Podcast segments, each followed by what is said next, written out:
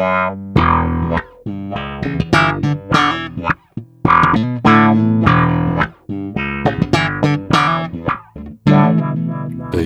in Belgium. Welkom allemaal bij de achtste aflevering al van onze baspodcast Based in Belgium, waarin we telkens één iconische Belgische bassist aan de tand voelen over het reilen en zeilen in zijn of haar muzikale leven. Wederom gecombineerd met een schandalig goed glas wijn. We zijn deze keer een gezapige zondagnamiddag. Uur en precieze datum doen er niet toe. De tijd staat voor mij helemaal stil hier in Studio Le Garage, want de funkpom Bert Embrechts is in the house. Menige nacht aan de toog met hem heeft al uitgewezen dat praten en werken met Bert altijd genieten is in het hier en nu. De tijd lijkt geen vat te hebben op deze immer smiling viersnarige die nothing but good vibes uitzendt van op het podium zoals pakweg Bootsy Collins het ons voordeed. Zijn verleden is anders wel goed gevuld met muzikale topbijdragers bij in het begin zijn eigen band Groove Mania en de jaren daarop uitgebreide theatertours met Stef Bos en tien jaar de wereld rondreizen met klasse van eigen bodem genaamd Vaya Con Dios. Van 1999 tot 2011 schreef hij samen met de laatste showband muzikale tv-geschiedenis in de allereerste Belgische late-night show, waar met de regelmaat van de klok wereldsterren zich lieten begeleiden door de band. Joe Cocker, Tom Jones, Jamie Liddell, Lisa Stansfield, Ike Turner, Tori Amos, Checker de Checker de Check, Bert mag ze allemaal van zijn bass bucketlist afvinken. Ja, zelfs die andere bassist die niet slecht speelt, Sting.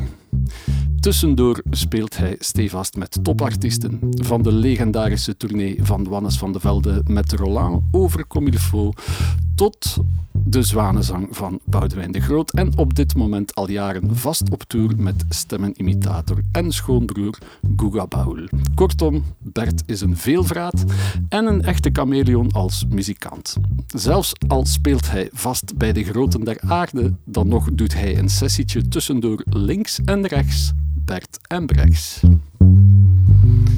Hey Bert. Hey. Welkom. Wat een introductie. Ja, Dank ja, u, ja, Wouter. tuurlijk even, hè, maar ja, het is ook een zeer rijk gevulde carrière natuurlijk. Als ik, het zo, als ik het zo hoor, wel, ja. Ja, van links naar rechts, van boven naar onder. Eh Bert Tembrechts is overal geweest volgens mij. Goh, overal nog niet, hoor. maar, Maar je eh, komt nu net terug uit Gambia. Ja, ik ga graag op avontuur. Zowel muzikaal als eh, Ja. eh, regionaal als internationaal, ja. Ja, er zit wel echt een globetrotter in u, hè? Ja, ik denk dat ik dat wat geërfd heb van mijn vader. Eh, zit wel in de familie. Oké, dus Rob Embrechts, Ja, de die- peetvader van de talentvolle drie Embrechtsen, is ook een beetje een reiziger. de hele wereld rond. Dan wel voor internationale hulp qua ontwikkelingssamenwerking. Oké, ik probeer dat muzikaal wat te doen. It's all in the family. Ja, Zalig. Bert wilde mij één groot plezier doen, alstublieft. Dat is gewoon nu spontaan hier een groefje spelen. alright. Ja, gewoon het eerste dat nu opkomt. Oh yeah.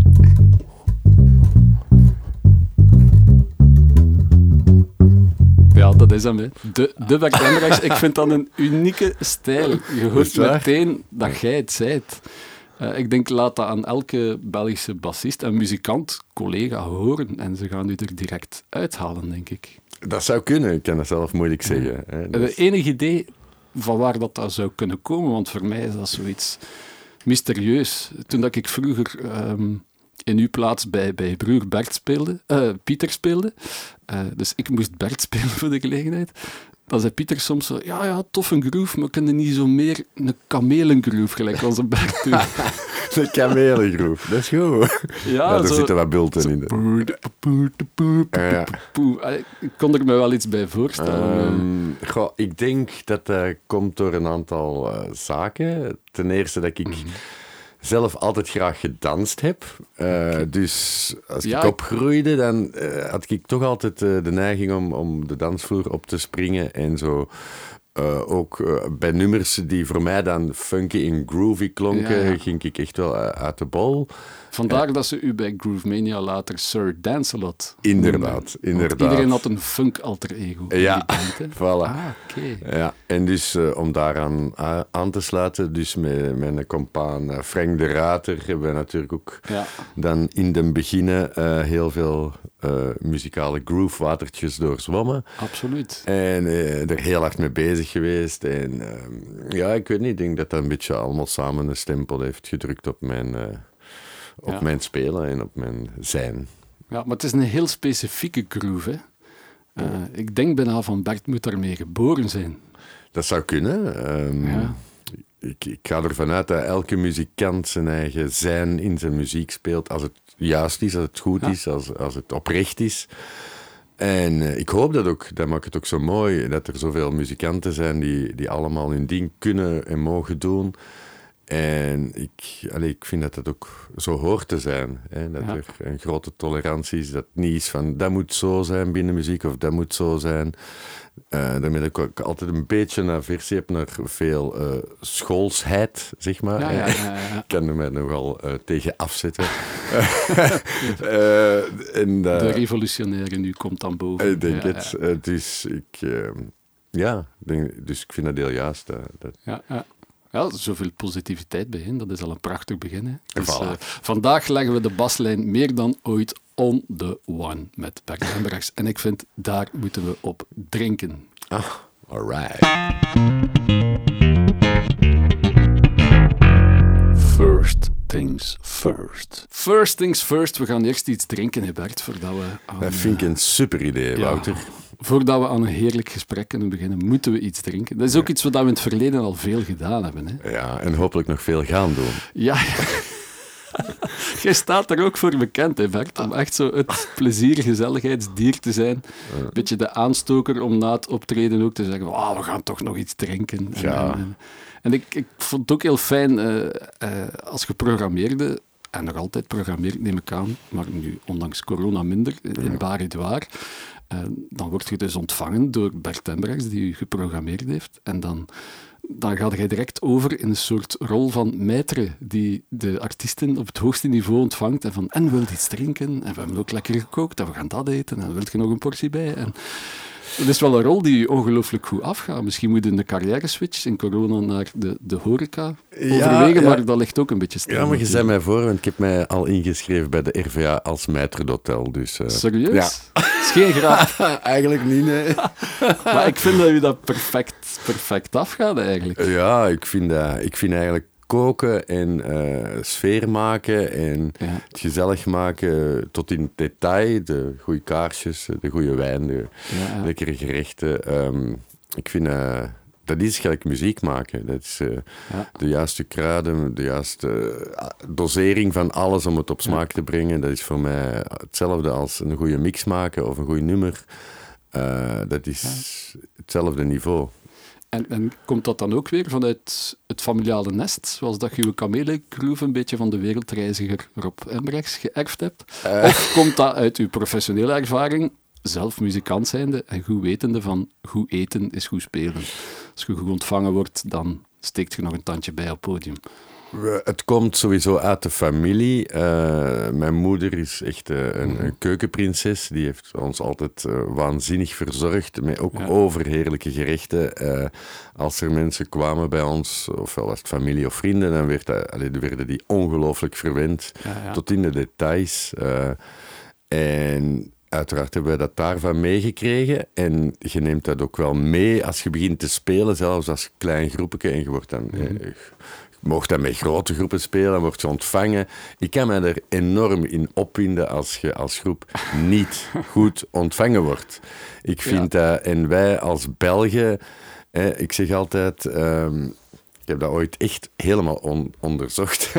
wij zijn het enige, en nu moet je goed luisteren, Wouter, het enige Romaanse volk met een Germaanse taal.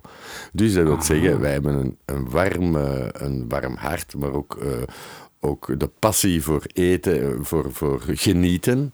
En dus eh, ik vind dat we dat als, als Vlamingen, hebben wij dus een unieke situatie in de wereld. hè, eh, moeten wij dat ter harte nemen. En dus van die cc's waar dat je komt, waar dat je een blikje Ja. uit de microgolf krijgt, die, die moeten terstond worden geschrapt van de ja. subsidielijst. Ja. We gaan ze niet noemen, hè. We gaan ze niet noemen. Maar het zijn... eh, nee, Al dus professor Embrechts. dank. Ehm, zit er ook een vinoloog in u dan? Een, een eunoloog? Iemand, want ik zie u vaak rode wijn vooral drinken.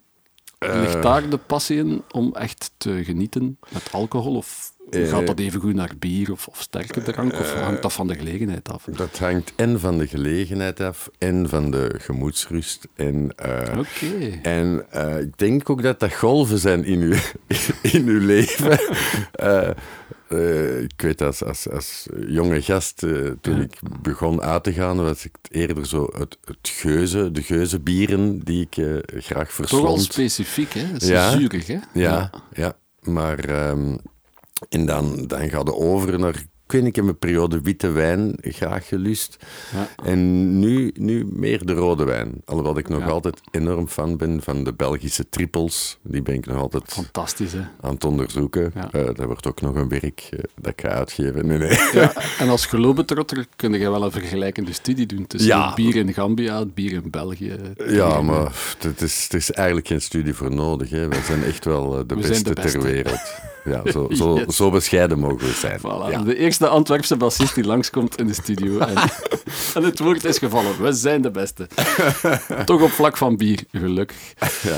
Ehm, nee, maar terug naar de wijn. Eh, Ja. wat, wat draagt uw voorkeur weg dan? Want we willen u natuurlijk in stijl ontvangen. Waar kunnen we u plezier mee doen? Eh, waarvoor dank. Eh, ik hou graag van volle ehm, wijnen met veel, met veel toets. eh, Ja. Dus ja, bijvoorbeeld een Shiraz eh, heb ik graag. eh, een veel body, veel tannines. veel- ja, voilà. Ja.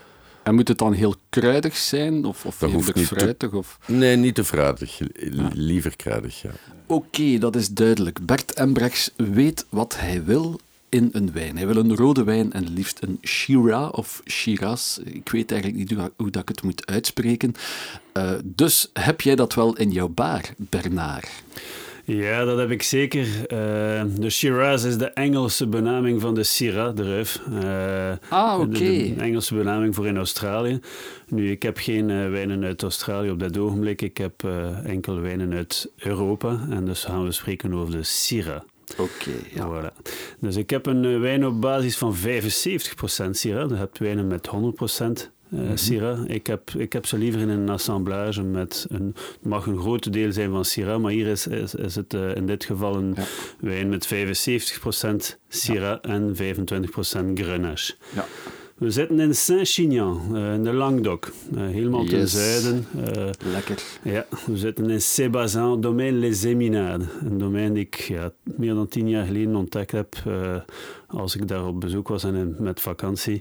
Eh, Luc Bettoni en Patricia. Luc zat in het zuidwesten, uit de Gers. Zijn vrouw komen de Provence. Ze zijn er daar tuss- ergens tussenin gaan, eh, gaan wonen en zich installeren.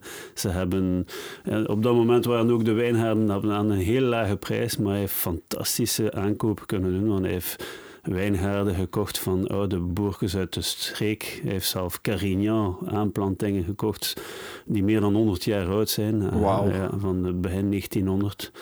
Eh, nu in dit geval de Syrah zijn 30 jaar oud en de Grenache zijn Ja. 60 jaar oud. Eh, het is een man die volledig biologisch werkt.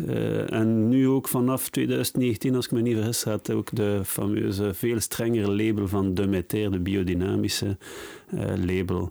Dus dat is iemand die heel proper werkt, eh, Mhm. met heel veel respect voor de wijngaarden. Ja, ja, ja. Ehm, hij werkt met heel lage rendementen. Als ik spreek over 26 hectoliter per hectare, dat is echt misschien niet veel, maar dat is mm, ongeveer de helft van dat de, de, de, de appellatie toelaat. Oké. Dus dat is iemand die gewoon de beste druiventors gaat gebruiken. Puur Eh, voor de kwaliteit voilà, gaat. Klopt, ja, Ehm, hij maakt heel zuiver wijn. Er is echt een stijlbreuk geweest in 2017. En het is het 2017 die we gaan proeven. Mhm. Eh, daar waar hij vroeger wijnen had met een beetje een dierlijke aroma, eh, is hij nu echt overgestapt naar een wijn die veel meer op finesse en elegantie, eh, complexiteit, mooi fruitige componenten, eh, zonder die extractie, zonder die lichte dierlijke aroma's die je soms kunt Ja. terugvinden in Syrah en Grenache. Wat moet ik mij precies bij dierlijk voorstellen? Een beetje een, De eh, animalen, zo'n beetje, ja, zoals ze dat soms zeggen, de stalgeuren. iets dat minder fris ruikt. dus ja, oké, ik dacht Ja, al zoiets. Dus hier hebben we een, een, een wijn, als je er goed naar kijkt, is een, eh, een wijn met een diep, intens robijnenrode kleur, met een mooie paarse rand. Ja. Eh, maar in de neus, dat is ongelooflijk, dat is een echte bom. Het is, eh, het is gelijk dat de tonnen geplet zwart en rood fruit There's a bomb in the house, ladies and gentlemen. vers geplukte zwart en rode bes, bessen die zo net geplet is. Dus je kunt je inbeelden dat dat zo heel intens Ja. is qua geur. Eh, je zit echt letterlijk met je voeten in de wijnkelder. Dus het is een, een, wijn die heel veel fruit heeft, een tikkeltje bitterheid, maar licht vegetaal dan. Dus iets Ja. verfrissend. Um, maar het is, het, is, het is op een positieve manier dat, dat die vegetale toetsen hebben. Je hebt ook iets kruidig. Uh, je hebt ook die aroma's van verse chocolade, vanillestok met tijm, mm. uh, salie en dan ja, iets dat ik persoonlijk ook heel graag heb, zwarte winegums. Uh, oh, verslavend, vreselijk verslavend. Ja, ja, ik zie het zitten. Voilà. Dus ja, na, na al dat geweld in de neus hebben we in de mond iets hebben we eigenlijk tegenovergestelde. Uh, hebben we niet die intensiteit, maar hebben we iets heel soepel, heel rond. Heel, heel zacht dan. Ja, heel fris, heel ja. zacht, klopt. Ja. En dat, dat, is eigenlijk echt die stijlbreuk. Dat we vroeger iets, iets heel krachtig had en je moest een paar jaar wachten voordat die wijn op dronk was, heeft hij nu, door die stijlbreuk, is hij erin geslaagd om eigenlijk nu wijnen te maken die jong kunnen gedronken worden mm -hmm. en heel lang kunnen bewaren. Okay. Dus het heeft iets, iets heel complex. Het is, het, heeft, het is heel mooie zuur, het heeft hele zachte tannines die mooi verweven zijn. En ja, het is, het is ja, een echte beauty. Het is een uh, fantastisch mooie wijn. Het zijn ook zeer sympathieke mensen. Dat zijn ja, mensen die ik heel graag heb. Uh, ik volg ze sinds hun begin, want ze, zijn, ze hebben zich daar in 2002 geïnstalleerd. Ja. Ik heb de eerste jaargang gekocht, was 2009. Dus ik heb de evolutie gezien van die wijnen van 2009 tot nu 2019 komen nu binnenkort binnen. Maar we verkopen nu op dit ogenblik de 17. Ja, voilà. ja, ja. Oké, okay, ik onthoud met beide voeten in de wijnkelder. Daar gaan wij nu van onze beide voeten in de studio even afdalen naar de wijnkelder. Bedankt, Bernard. Dank u wel. Oké, okay, dus we kunnen deze Shiraz uit uh, Saint-Chian eigenlijk, uh, niet uit Australië, sorry, maar oh, ja. we gaan hem toch eens proberen. Hè? Ja, graag. Mm. Go ahead, Bert. Dank je. Laat het maar binnenkomen. En dat doet het. ja. Nee. Geen spijt dat er geen Australische Shiraz is. Nee, want eigenlijk... Uh, goh, je hebt tegenwoordig zoveel goede streken waar dat ze mm -hmm. wijn... Allez, waar dat ze druiven hebben geïmporteerd om goede wijn ja. te maken. En de Syrah of de Shiraz, ja, ja, die, die vinden op veel plekken. Hè. Maar het is een super lekkere wijn. En na de uitleg van Bernard is er weinig aan toe te voegen, moet ik zeggen. Uh, ja, gewoon genieten is ook ja, goed. Hè? Absoluut, dat gaan we doen. We hoeven er niet te veel over na te denken. Nee. Het valt mij op dat de, de, de Shiraz dan eigenlijk ook vooral populair werd begin de jaren negentig. Dat is ook een beetje de periode waar dat voor u zo beginnen doorbreken is. Denk ja, ik. dat klopt. Qua absoluut. spelen en zo. Ja. Qua leeftijd Ja. zit je ook in... in uh... Ik ben een beetje de Shira van de bassisten. Ja, ik denk hè? het wel, ja. Nu dat ik erover over nadenk, eigenlijk. Ja. Eh, want het is eigenlijk ooit allemaal begonnen... Hè, want we zeiden ook... Bernard zei het toch van... eh, het is een echte bom. Hè. Ervaarde dit ook als een smaakbom? Ja, het is echt, het is echt, echt een hele goeie. De geur is heel intens, Ja. de smaak ook. Ik ga dat niet helemaal... kan dat ook niet gelijk Bernard, maar hij Ja, zegt ja. dat perfect en het klopt helemaal. Ja, het is echt een bom. Dus there's a bomb in the house. We zitten natuurlijk direct in de jaren 90 bij Groove Mania, hè, als we dat laten Ja, vallen. inderdaad. Wat een zotte tijd moet dat geweest zijn, denk ik. Als ik dat terughoor als jonge gast. Ik was toen, oh god, 15 jaar of zo als dat uitkwam. Ja, ook daar waren wij eigenlijk eh, een beetje knettergek. Hè? Uh, allemaal allee, vier jonge snaken die het toch al een beetje begonnen, om het fout te zeggen, te maken in de muziek. Dat wil zeggen... Uh, en die tot op vandaag echt kei, kei goede muzikanten in de Premier League zijn. Hè? Frank de Ruiter, Hans Franken, Michael ja. ja. en jij.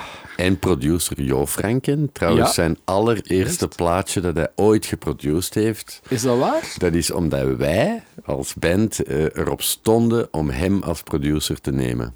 Wow. En jullie hadden de keuze of zoiets uit verschillende uh, mensen? Wij hadden een budget, hè, zoals dat toen ging. En wij mochten kiezen, ja. Uh, toen waren er nog echte platenfirma's, jongens en meisjes. Inderdaad, maar ook, de platenfirma was, was uh, een, een soort koppige ezel. Trouwens nog altijd een hele goede vriend van mij, Mark Punt. De, de filmproducent. De filmproducent, ja, ja, ja, regisseur, muziekliefhebber in het hart. En die... Um, allee, trouwens met hem, uh, nu in deze tijd niet, maar we, gaan wij maandelijks heel lekker eens gaan eten. Okay, goed bijbabbelen. Erbij. Voilà. Ja, ja, ja, en uh, dus ja, hij had een independent label, zowel voor film als voor muziek. Eh, onder andere Sarah Bettes heeft er dingen op uitgebracht enzovoort. En uiteraard al zijn soundtracks uh, kwamen daarbij uit. En dus die vond ons een, een hele zotte, uh, eigenzinnige bende. Dus uh, dat klikte goed. En uh, daar hebben we, ja, wij waren een beetje gek, hè, want Michael Schack, die drumde mm -hmm. toen bij Blue Blood, dat enorm ja. aan het boomen was. Ja, echt huge, hè, in die Frank tijd. de Rater, die toerde de wereld rond met ja. Katja Nin, Victor Laszlo, bla bla. Ja. Uh, Hans Franken, uh, wat deed die juist? Die zat ook, denk ik, bij Blue Blood. Uh, Zaten die... jullie twee dan niet nog op de jazzstudio? Ik denk kregen jullie niet les van Frank? Ja, zo, zo, zijn we ongeveer begonnen, ja. ja maar ik denk ja. dat we tegen dan op het einde zaten van die jazzstudio, dat weet ik niet exact. Ja. Maar het is die periode inderdaad. En um, ja, ik speelde toen bij Cholemer. maar wij zeiden echt, wij kwamen echt samen van mannen nu gaan we ja. eens alles opgeven. hè? Dus gestopt ja. ermee en we doen ons ding. Wij gaan okay. ons ding doen. Wow. En we go for the groove, we go for the funk. In, in België ja. was dat toen een beetje raar. Maar ja, en dan hebben we besloten om, om in Canada te gaan opnemen. Zes weken lang in de vrieskou van min 63 graden. In een oude RCA-studio. We hebben de Elvis nog eens opgenomen en zo. Dus speciaal voor de studio wouden jullie naar Canada? Ja, ja, ja. ja. en dan ook dus uh, speciaal met Jo Franken. En uh, dat was een wow. intense periode. Absoluut. De muziek was ook intens, want ik moet zeggen, als... als uh, There's a Bomb in the House uitkwam, als jonge gast, ik, mijn broek zakte af. Ja, dat als ik die groove hoorde, dat is... Dat was de bedoeling, Wouter. Zo on the one, ja. En dat ja. heeft ook wel gewerkt in zekere mate. Maar het was niet het groepje dat binnen het klankbeeld van de toen Studio Brussel heersende periode lag, denk ik. En dat heeft het misschien een beetje aan ja, de kant gezet. Of zo. Absoluut, ja. Dus je had heel weinig groepjes in dat genre. Ja. Wij, wij, allee, meestal was het echt uh, harde rock dat toen opkwam. Ja. En daar moesten wij tegenop boksen. Uh, maar wij zaten er totaal niet in. Nee, nee. De enige die je toen had was The Wizards of. Ja. Dus wij stonden ook heel veel op festivalletjes samen. Ofwel zij voor ons, ofwel wij voor hun. Dat was ook een rivaliteit. Niet van ons, maar eigenlijk... Ja, ja, ja. Het hoofd van de Wizards of Oz was nogal... Uh, Ja, de- ze staan ook bekend om ego-clashes en zo, hè, de Wizards. Maar wel een fantastische belpop. Super, super, genre, super. Ja. Niks aan lof. Maar, eh, dus ja, dat was een, een, een maffe, leuke periode. Maar het is nooit echt gelukt met Groovemania. Spijtig. Goh, nee, we hebben ons best gedaan en we hebben, we hebben heel leuke optredens gedaan. eh, en, eh, maar ook binnen de groep waren wij ook toch grote ego's onder elkaar. Ja. Dus eh, dat is... Zo gaat dat. Het is niet omdat ik al te veel gedronken heb dat ik al in het volgende item spontaan zit, maar puur van de goesting en de passie waar dat Bert mee babbelt. Maar we zijn eigenlijk aangekomen bij de roots van Bert Embrechts.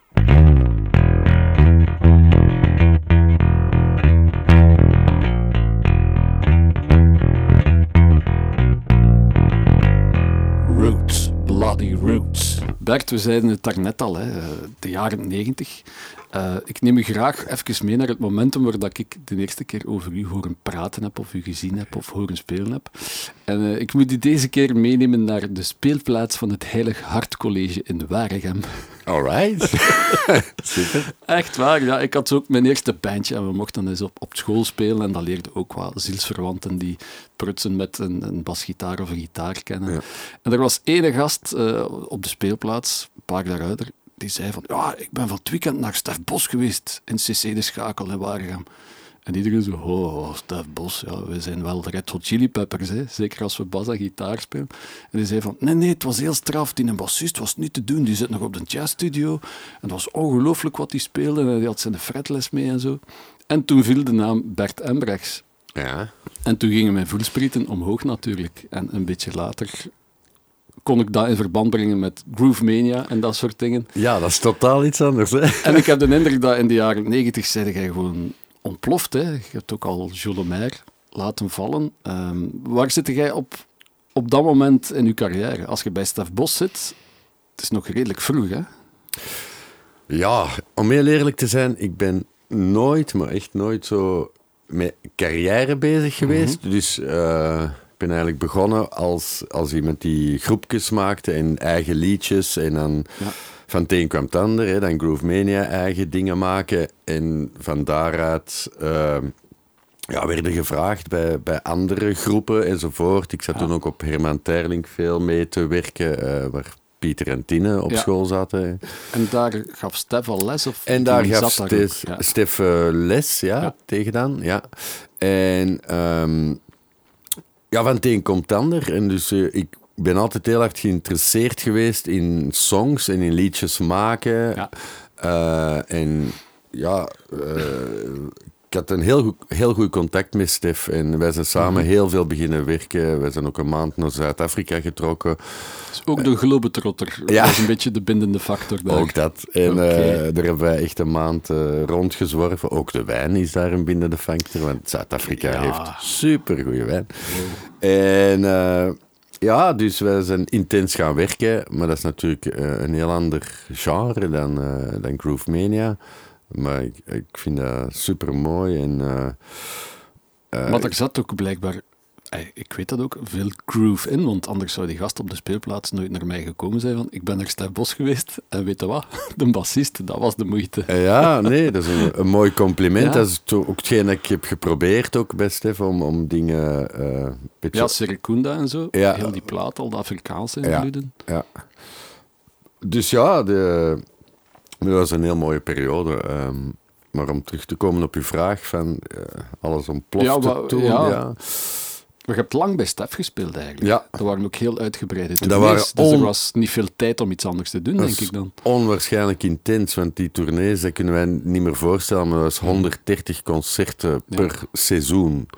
Dus uh, dat wil zeggen dat je vijf, zes dagen per week uh, en in de auto zit naar Noord-Holland of naar ja. Bruggen. Of, uh, maar dus ja, dat is, dat is wel uh, iets dat we nu niet meer hebben eigenlijk. Hè. Maar, nee, het is veel korter die tournees. Ja. Hè? Ja. ja. Vier tot nu, zes concerten. en nu volledig weg. Absoluut, ja. Maar um, Stef was ongetwijfeld een heel, ook een boeiende leerschool, kan ik mij nog inbeelden, omdat dat je toen nog redelijk pril in het zadel zat qua live gaan spelen en opnemen. Uh. wat kwam er dan na Stef? Of waarom zijn ze weggegaan bij Stef? Of was dat een natuurlijke gang van zaken? Uh, bij Stef ben ik goh, weggegaan. Ja, ehm, ik, ik had de vraag gekregen van Vaya Condios om daar mm. te, te gaan spelen. En eerst heb ik dat niet aanvaard, omdat ik juist een tour met Stef had. En ik heb er met Stef over gepraat. En hebben we dat allee, gewoon gezegd van nee, nee, ik ga die tour verder doen. Maar later ja. uh, kwam die vraag dan terug. En dan was dat veel correcter om het dan te doen, zeg maar. En dan... Uh, ja, ja. ja, dat was... Uh, Faya is natuurlijk voor mij een mooie combinatie van... En super gave muziek. Het was een wereldband op dat moment. Hè? Ja, dat was echt... Dat was, Brazilië, Spanje... Uh... Dat was echt ja, heel groot. Dat was ook heel grappig. Hè? Wij vertrokken hier altijd uit Zaventem, zo ons, hè, ons valies dragen, mm -hmm. ons, ons gitaar. Inchecken. Je kent het wel. En dan kwam ergens toe. Dikwijls Oostbloklanden ook. eh, Polen of die zijn er waar. Je komt toe en van op de tarmac eh, limo's, politiebegeleiding. eh, Alles erop en eraan. alles erop en eraan. en dan, ja, dat is grappig. Je stapt dan altijd zo in een soort...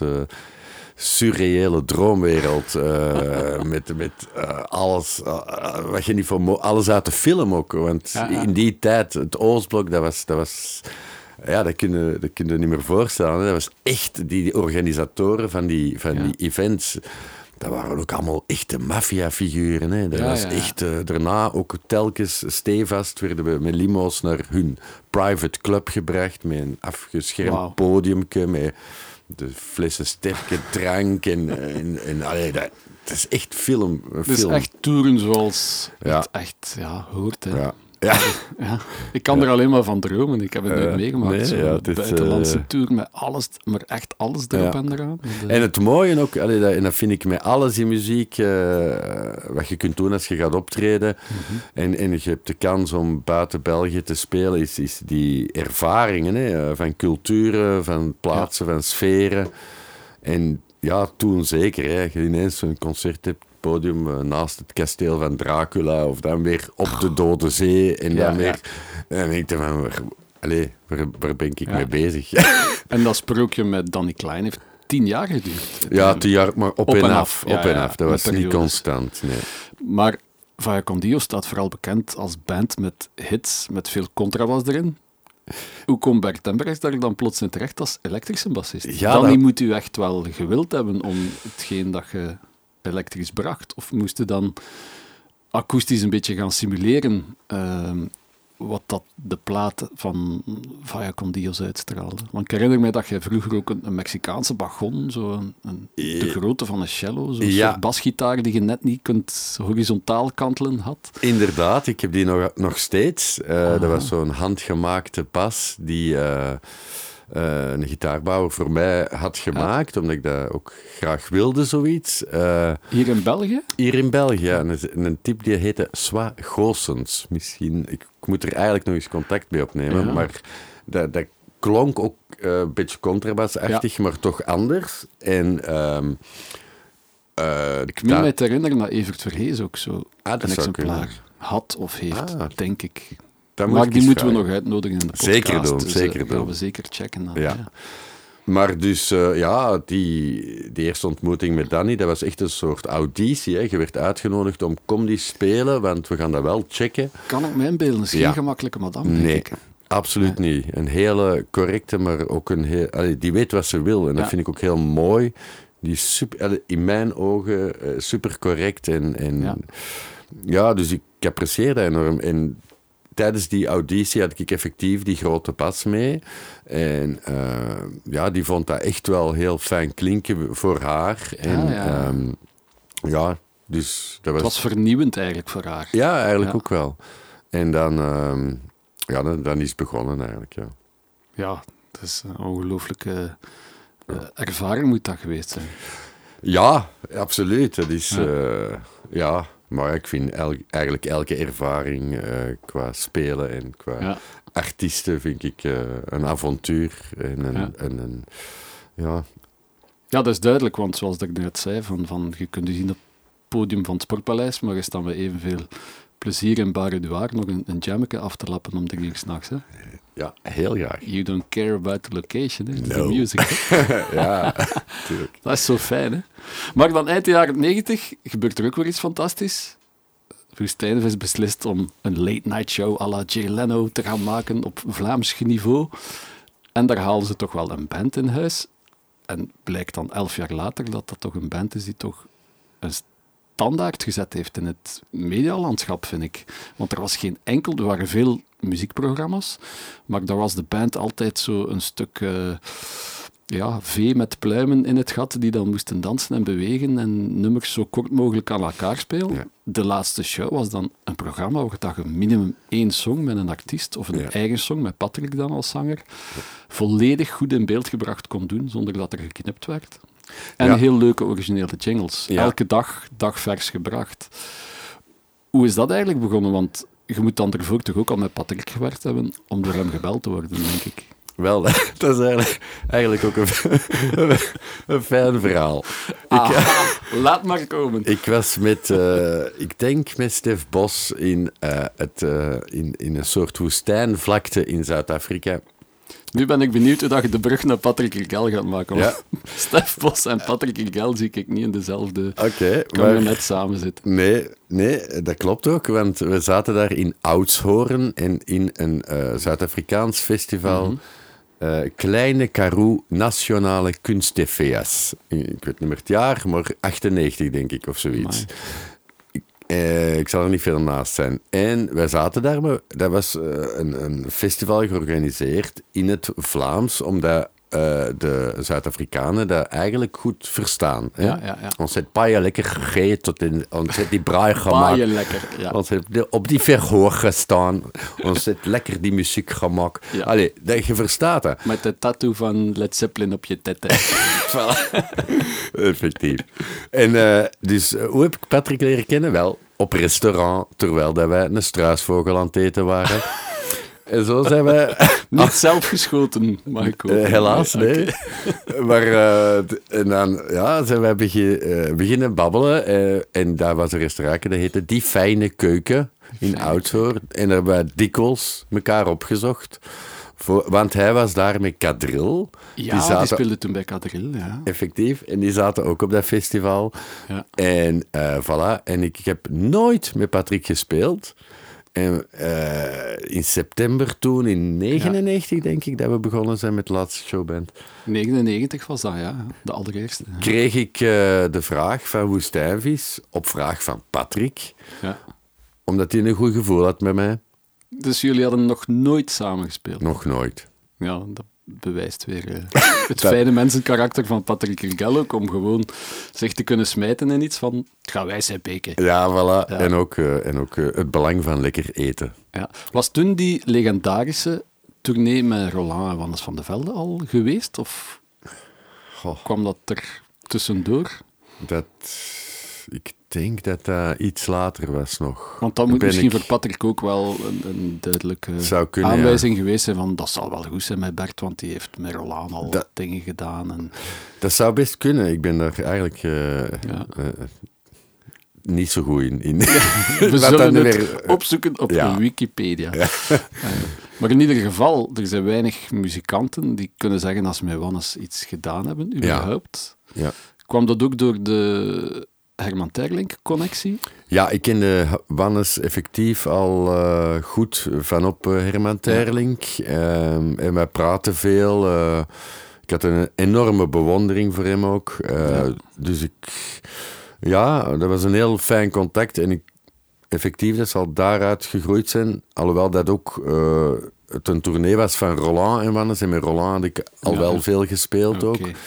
En eh, dat was natuurlijk ook een knotsgekke combinatie. eh Roland, Wannes. Mark Bonne en ik. Ja, Ehm, ja. maar een supermooi avontuur en eh, een hele waardevolle periode in mijn leven. Ja. Mm. ja, mensen van mijn generatie hebben die tournee nog net gekend. De jongere Ja. mensen gaan nu waarschijnlijk één groot vraagteken die verschijnen. Maar als je iets kunt vinden online van eh, Roland en Wannes van de Velde, bijvoorbeeld Oorlogsgeleerden, denk ik de opname van de ze nee, was dat de zevende dag toen? Het zondagmiddag politiek magazine Ah, ja. is ook legendarisch. Ja, we hebben een CD uitgebracht, zien. Ja, er is een hele cd van uitgekomen. nomade van de muziek heet die. En eh, Ja. ja, dus, eh, ja, dat was super... ja, ook super intens en mooi. En eh, Ja. dat, is, eh, allee, dat zijn allemaal fantastische dingen die... eh, Het zijn ook allemaal heel echte mensen hè, die we nu opnoemen. ja, Het zijn niet zo de, de shiny showbiz stars, hè? totaal niet. Nee, inderdaad. Maar het is merkwaardig hoe dat jij kunt laveren tussen de twee. Ja, ik vind dat ook mooi. Hè. Ik, vind, ik hou van... eh, ik, hou, eh, ik ben bijvoorbeeld ook een enorme Prince-fan, terwijl hij Ja. ook heel veel kitsch in zich heeft en glitter en glamour. Zeker. En dat hoort ook wel bij dat genre, maar ik kan eh, net, zo, net zo goed genieten van Bob Dylan. Ja. Wat ook heel goed van pas kwam in de laatste show, want op maandag kwam daar Sam Goris met wat basgijsloefjes. Op dinsdag eh, kwam er niemand en dan ging Patrick zijn goesting doen. Ja. Op woensdag staat dan plots Ike Turner voor uw neus. ja. En op donderdag pakweg Torriemos met haar piano. Ja, Het is toch geweldig qua concept dat dat kan. ja die, die laatste showband in, in het programma, dat is voor, voor een muzikant Ja. een godsgeschenk. Hè? Want ten eerste ja, moet je elke dag je inleven in een bepaalde muzikale sfeer en, en stijl. En plus, eh, hè, we moeten het dan nog eh, spelen natuurlijk ook. En, en wordt er heel goede aandacht besteed, zoals je zei, aan, aan de klank en aan het beeld. Ja. Iets dat heel weinig gebeurt. Hè. Jules Holland, Late Night Show. Hè. Het bestaat niet meer, denk ik. Ik weet het eigenlijk niet, maar... Ja, weet jij het, Wouter? Ik weet niet of dat nu nog bestaat. Ehm, Jules Holland bestaat alleszins. Ja, maar hè. het is verbazend hoe, en dat is ook een beetje triestig, vind ik, in het, heel het Vlaamse medialandschap. Wallonië heeft dat nog minder. Ja. Ehm, maar na de laatste show zijn eigenlijk alle muziekprogramma's afgekalfd. Eh, op muzikaal niveau dan, hè? Sowieso, ja. En ook die, die lengtes van, je mocht een nummer brengen tot een minuut 30. Ja, ja. Kom aan, jongens. Allee. Dat is verschrikkelijk. Echt verschrikkelijk. Aan alle producers die nu meeluisteren Ja. en muziekprogrammatoren, shame on you. Ja, Vanwege absoluut. Bert Embrechts en mezelf. en heel veel andere Ik moet wel één ding zeggen, eh, Wouter, bij die liefde voor muziek, vind ik dat er wel enorm goede aandacht aan, aan de klank en, en, allee, Ja, en de groepen, dat vind Ja. ik heel graag gedaan. Maar dat bewijst ook, want dat is dan weer een kijkcijferkanon, Ja. dat het kan. Dat het kan. Net als dat Jules Holland ook een kijkcijferkanon is en was. Ja, En dan niemand het risico durft nemen om gewoon een keer simpel muziek op tv te brengen. ja. Dat is toch een schande. Nee, het is een schande. Het is, dat is echt een schande, hè? Absoluut. Ja. Maar Bert Embrecht staat bovenal voor positiviteit in mijn ogen. Immer smiling, hebben we gezegd. Wat was voor u dan, zo, noem eens drie hoogtepunten uit de laatste show, dat je dacht van, wauw, ik was flabbergasted. Of, oeh, ik had er niks van verwacht en dat was dan toch tof. Of dat was een grote teleurstelling. Ja. Goh, de, om eerlijk te zijn, zijn er heel, heel veel momenten geweest. Ehm, eh, ja, je weet het zelf ook, want je hebt mij dikwijls... eh, Ja, waar, Eh, dat ik eigenlijk mijn carrière tussen aanhalingstekens aan te danken heb. Dat is aan Bert Embrechts, Oh. die, die gelukkig naast de laatste showband nog heel veel andere dingen deed. Ook nog met Raymond vastspelen. Ja, en dan moest jij soms ook vervangen worden op de laatste show. Ja. Ehm, ja, daar, daar ben ik schatplichtig aan om eh, Ah, wel, dus professioneel te kunnen beginnen. Ah, maar dat was een fantastisch programma. Dat is een van de beste tijden van mijn leven geweest. Ja, wel, voilà. En, en dus je, hebt het ook eh, mogen ervaren. Dat is gewoon... eh, ja, dat zijn zoveel mooie momenten en zoveel intense contacten die je hebt. Dus om, om daar een top 3 van te maken, dat vind ik heel moeilijk. Of Ra- de Ja, ja, volgorde maar- doet er niet toe. Ja, ah, wel, ja. Eh, je maakt gewoon ook gewoon hele eh, leuke anekdotes mee. Hè. Bijvoorbeeld Ike Ja. Turner, je hebt hem er net al Ja. vernoemd, die komt spelen en die speelt eh, Proud Mary. En ik, inderdaad, ik heb een lage stem. Dus ik... ik Bert kan altijd dieper. Hè. Bert is altijd de diepste. Doe een keer rolling. Rolling, rolling. In ieder geval, die, die, die een Ike Turner, die, die speelt hè, hè, daar live. En uit gewoonte zing ik dat mee. Want Ja. ik ben dat gewoon, om, als, als dat ergens in een groepje ges- ges- eh, gespeeld wordt, dat ik Ja. die lage stem zing. Dus die draait zich direct om naar mij. Hè, en die zegt... Oh, you man, you're as low as me. Ja, dat is plezant, hè? Allee, dat, is, dat is van die leuke dingen. Ja, ja. Voor de rest, eh, Jamie Liddell. Eh, Ja, is- geweldig? Ja, daar had ik een super contact mee. We hebben echt blijven bellen met elkaar, eh, praten over bassen en over... En nooit op tournee kunnen gaan dan met Jamie Liddell. Nee, maar dat is niet zo erg. Eh, en een andere, Ian McCulloch bijvoorbeeld, Ja. van Echo Independent, nog steeds, als die eh, met, met kerstmis of nieuwjaar, dan stuurt hij mij een sms'je. Of eh, als hij in België toekomt, dan Wow. belt hij van, ik spreek hem af. Eh, eh, dat zijn van die ja, leuke dingen Ja, allemaal. Hè. Ehm, Het bekendste incident publiekelijk was natuurlijk met Sting, die luid Ja. oproept, hey man, you're good. ja, Je inderdaad. moet toch wel iets doen met een mens, hè? Ja, ja. eh, ik weet niet. Allee, ik bedoel, Turk is dat leuk, hè? Ja. Wij verschoten effectief allemaal. Tuurlijk. Wij maken effectief allemaal gigantische fouten Ja. op die jam. En, maar dat is wel omdat je verschiet. Dat Het je, dat gezicht je, van Patrick Rigel moet je echt ook in de gaten houden. Als er op eh eh, message in de bottle wordt gejamd. Ja, het is echt, Patrick doet echt van, "Huh, ik ben hier niet. ja, maar dat is echt verschieten, want dat is echt niet Ja. afgesproken. En, maar het feit dat dat gebeurt, is, is, wel, is wel natuurlijk graaf. Hè. Dat zijn Ja, ja. Dat zijn echt... Allee, dat is het mooie ook. Je hebt zo... Ja, jeugdiconen, waar dat je die ineens naast staat en, en eh, die, je zag spelen op, op Werchter of weet ik veel. En dan, dan ineens staat er naast en zit er met te spelen. Ja, dat is, dat is, dat is een... je verwacht dat niet in je Ja, leven ja. en dat is mooi. Plus, tv is heel veel wachten, wachten, Ja. wachten. Dus je maakt ook wel tijd achter de schermen met die mensen mee. Hè? Want zo groot zijn die backstage niet van de opnamestudio's. Nee, inderdaad. Dat is ook het mooie. Hè, dat je zo... Pas op, sommigen zijn heel op zichzelf en echt zijn, zijn de stars zoals, zoals dat, dat wordt voorgesteld. Kom gewoon een promotje doen. Ja, En, ja. Hè? En anderen die zitten mee, mee in ons Ja. muziekkot.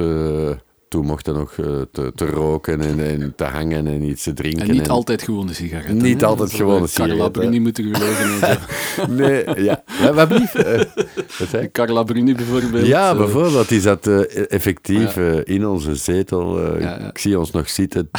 Tussen mij en- en Patrick zat Carla. Oeh. met de armen over elkaar. Met, met een toeter in de hand. Ah ja, dat zijn grappige dingen. Hè. Geweldig, wat een tijd, wat een tijd. Maar tussendoor waren er nog altijd de hardest working man in showbiz, want je werd evenveel niet op de laatste show als wel. Dus Raymond is er ook nog zes à acht jaar tussen gekomen, denk ik. Ja, je ja, hebt er ook absoluut. legendarische nummers en platen voor ingespeeld. Hè? Ja, ja en, veel concerten vooral. Hè. Eh, Ja. Heel veel, eh, ja, die, die legendarische Ja. eh, Gentse feesten, afsluiters. Ja, dat nachtje is, doorsteken. dat is, ja, dat waren straffe dingen. Ja. En bij u gaat het van het een icoon in het ander, want dan komt uiteindelijk een paar jaar geleden Boudewijn de Groot ook nog af van ik ga ermee stoppen. En dat duurt dan ook vier, vijf jaar of zo. Ja. En wie bellen ze dan natuurlijk? Bert Embrechts om te komen bassen. ja, dat was... eh, om- Fantastisch, hè? ja, daar verschoot ik nu zelf ook echt van. En ik vond vooral het, eh, het verhaal daar rond, Mhm. vind ik echt heel mooi. En wat is het verhaal dan? Wel, Wouter, kijk. Dat heb ik nu echt waar nog nooit gehoord. Ah, voilà, ik ben blij dat ik dat eens kan vertellen. hè. Ik zit al klaar. dus... Ga nog een beetje wijn inschenken. Ah, ja, voilà, Misschien zeg- even klinken, Ja, hè, even want er komt een verhaal aan dat ik nog niet ken. Ja. Ja. Santé, Bert. Santé.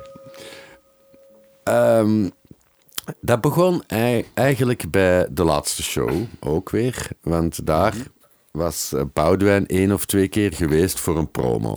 Ja. Boudewijn was en is nogal een gesloten eh, man. Ja, dus, die, mij. ja, dus die speelt met ons. Die zegt niet al te veel, maar die is heel vriendelijk en content. En that's Mhm. it. Goed. Hè, zoals er vele hè, toen passeerden bij de laatste show.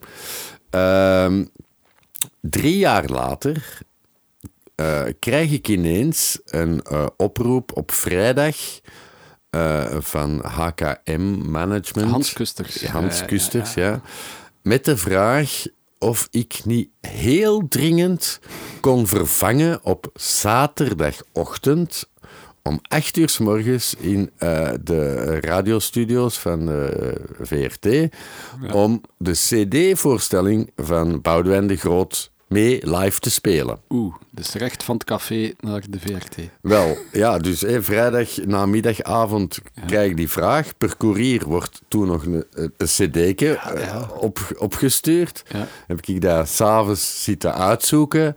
En de volgende ochtend was ik eh, in de studio's eh, van de VRT en hebben we dat ehm, radioprogramma live gedaan. Met een groep die ik niet kende, met een zanger die ik niet kende.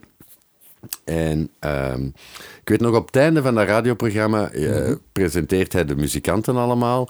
En hij komt bij mij, Boudewijn, en hij zegt, ja, en Bert, eh, nou, die heeft ons hier eh, vreselijk uit de nood geholpen. en om eerlijk te zijn, het is de eerste keer dat hij meespeelt, maar het voelt alsof hij al jaren bij de groep is. Oh. En dat vond ik een heel... Dat, dat op zich Tuurlijk. vond ik al een heel mooi compliment. Bon. Daarna, drie jaar, niks. En dan, uit het niks, belt Boudewijn mijzelf op en vraagt... Bert, ik ben u nooit vergeten. Wauw. Ehm, zie jij het zitten om volgend seizoen met mij op tour te gaan? En het is samen met de mannen van Doe Maar en Baba en Ernst Jans Ernst Jans, Jan. Hendricks. Ja. ehm, en eh, ja, ik heb daar niet, niet, eh, niet over getwijfeld. Ik heb dat direct gedaan, alhoewel dat... En dat- zijn zoon Marcel ook, denk ik. Speelde Marcel, ook zoon gitaar? Marcel Ja, speelde mee. En ook. Okke Ja. ook. eh, nog van Time Bandits enzovoort. Ja, Enfin, ja. Oeh, dat zit ver. Ja, inderdaad. Listen to the man with the golden voice. enfin, in ieder geval. Dus ja, ik, eh, ik ben erop ingegaan. En eh, dat was ook weer avontuur. Hè, want ik dacht, waar, waar begin ik aan? Eh, Ja. weer in Nederland. Al die Hollanders dan nog. al die Hollanders. En dat Ja. begon met twee, drie weken repeteren in Amsterdam onder ons. Ik kende er niemand van. En ik zat er als enige Vlaming daartussen. En, maar dat was, dat was ook weer een fan- fantastische ervaring. En ook het feit dat je dan speelt met zo'n icoon. Ja. Waar dat bijvoorbeeld ja, mijn ouders mega fan van waren als zij jong waren. Ja. Dat is zo absurd. Dus dat was, ja, dat was fantastisch. En ook nog eens, allee, ik heb hem dan ook heel goed leren kennen. Hij was een prachtige mens. Ja. En ook die groep, Ernst Jans en Jan Hendricks en zo, dat zijn echt boezemvrienden voor het leven geworden. Ja. Ja, fantastisch. Dus het is niet altijd via via de muzikanten of de MD dat het gebeurt. Soms out of the blue, deus ex machina gewijs, Ja. belt de artiest zelf wel een keer iemand op. ja, Daarvoor doe het, hè Bert. daarvoor doe je het absoluut. Daarvoor doen we het. Ja.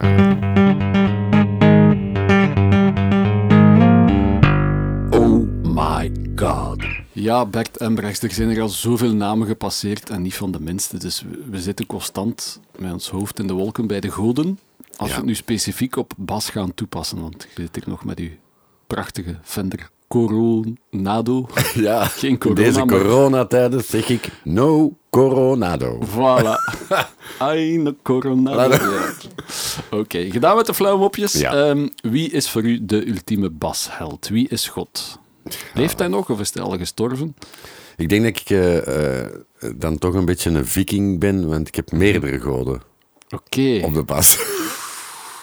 Dus Zagen en legenden gaan Ja. nu over ons komen. Ja. Zeg het maar, Bert. Nee, ik, eh, ik, enfin, ik, ik, ik heb dat altijd moeilijk gevonden, maar ehm, ik, ehm, ja, ik ben zo opgegroeid zo, met gelijk zo Sly Stone en zo. Dat vond ik zo fantastisch eh, qua groove en qua, qua verhaal. En eh, ik ben eigenlijk altijd iemand geweest die zo naar, naar het verhaal en het nummer. En bij Sly Stone vind ik nu iemand dat, waar dat alles klopt. Dat, dat verhaal, de tekst met de groove.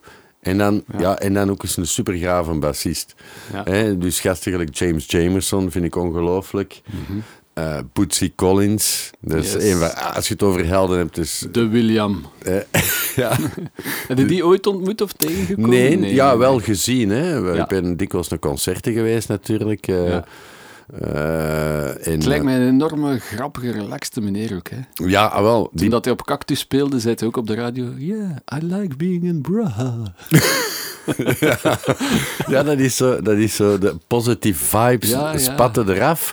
En, en eh, ja, ogenschijnlijk geen ego, alhoewel dat hem het toch gigantisch heeft. Want in een, op een concert in de Verraad eh, kwam hem op. Hè, zijn groep was begonnen. hij komt op. Natuurlijk, hij is veel show, maar dat is oké allemaal. Ja. Dat hè, hoort erbij. Maar dan begint hem te spelen en je hoort enkel nog bas. Ja, ja. Hoort niks, niks anders. I'm in charge. Ja. Ja, dus dat max. Maar, dus ja, dat, dat is, dat is een van mijn helden. Maar even goed heb ik, ja, ja eh, eh, zo, eh, ehm, om nu even Miles Davis te noemen, die dan Tuto uitbrengt met Ja. eh, ehm, Met Marcus. Marcus Miller. Ja, die heb ik ook mogen live zien. Ik vind dat, ja, dat is, Ja. dat is ook heel graaf. Maar, dus ik vind dat heel moeilijk om ene op te noemen. Ja. En kunt je je herinneren wanneer dat je voor de allereerste keer gehoord of gevoeld hebt wat dat een basgitaar was? Was er een bepaald nummer of artiest die aan het spelen was, waardoor dat je dacht van, bam, nu heb ik het, door. Dat is de bas. Was dat iets van Sly Stone? Goh, ja, Sly Stone... Ik kan moeilijk mij- inbeelden op je acht of negen jaar dat je dan al Sly Stone rond de oren geslagen Nee, krijgt. Nee Van de inderdaad. Boudewijn de Grootfans, eh inderdaad. Robert en Griet. Nee, inderdaad. Nee, dat was allemaal gejingle en jangle van kleinkunst, eh, mietjes. eh, Die, Ja, ja, ja, ja, misschien daarom dat ik zo voor de funk ben gegaan. Nee, dat is... nee, ik, eigenlijk eerlijk gezegd herinner ik mij dat niet, omdat ik, zoals ik in het begin heb gezegd, eerder met songs altijd bezig was in het begin en per toeval ben beginnen bas spelen. Eh, maar dat is, niks is per toeval. Hè. De goden hebben dat be- bepaald. Ja, ja, de, de, de goden Als van de viking zijnde, ja. Dus, Ja. dus eh, voilà. Ja. Ik denk dat, eh, dat En het... feit dat je zo met liedje bezig bent, maakt dat dan van u vooral 98% een begeleider en 2% iemand die af en toe eens, als het moet, een solootje gaat placeren? Of- Ja, sowieso ja. Ja, eigenlijk, eigenlijk eh, het solo-element eh, interesseert me eigenlijk niet zo. Ik kan Mhm. ervan genieten, van, van dingen eh, die er gebeuren, maar Ja. ik, ik ben meer echt voor, voor het, het geheel. En, en ik zeg het, ja, als ik een album gelijk Oh Mercy van Bob Dylan hoor, dan, dan vind ik dat schitterend. En, dan, en ook daar zijn mooie bassen op. Ja. Maar, maar, maar ik moet geen, gelijk zo'n ding is, gelijk John Patitucci en al die Ja, dingen. Ik, het zal wel goed De zijn. basgerichte muziek. Maar die, die zes, zesnarige dinges, met, ik kan hier veel te hoog en veel te laag, dat is niks voor mij. Ja, Geef ja. mij maar vier goede snaren en, eh, en een goede lieke en, eh, en shaking. Allee, En meer moet dat niet zijn. meer moet dat niet zijn. Dus God is een viersnarige. Sowieso, ja, ja, ja. Alright, dan noteren we.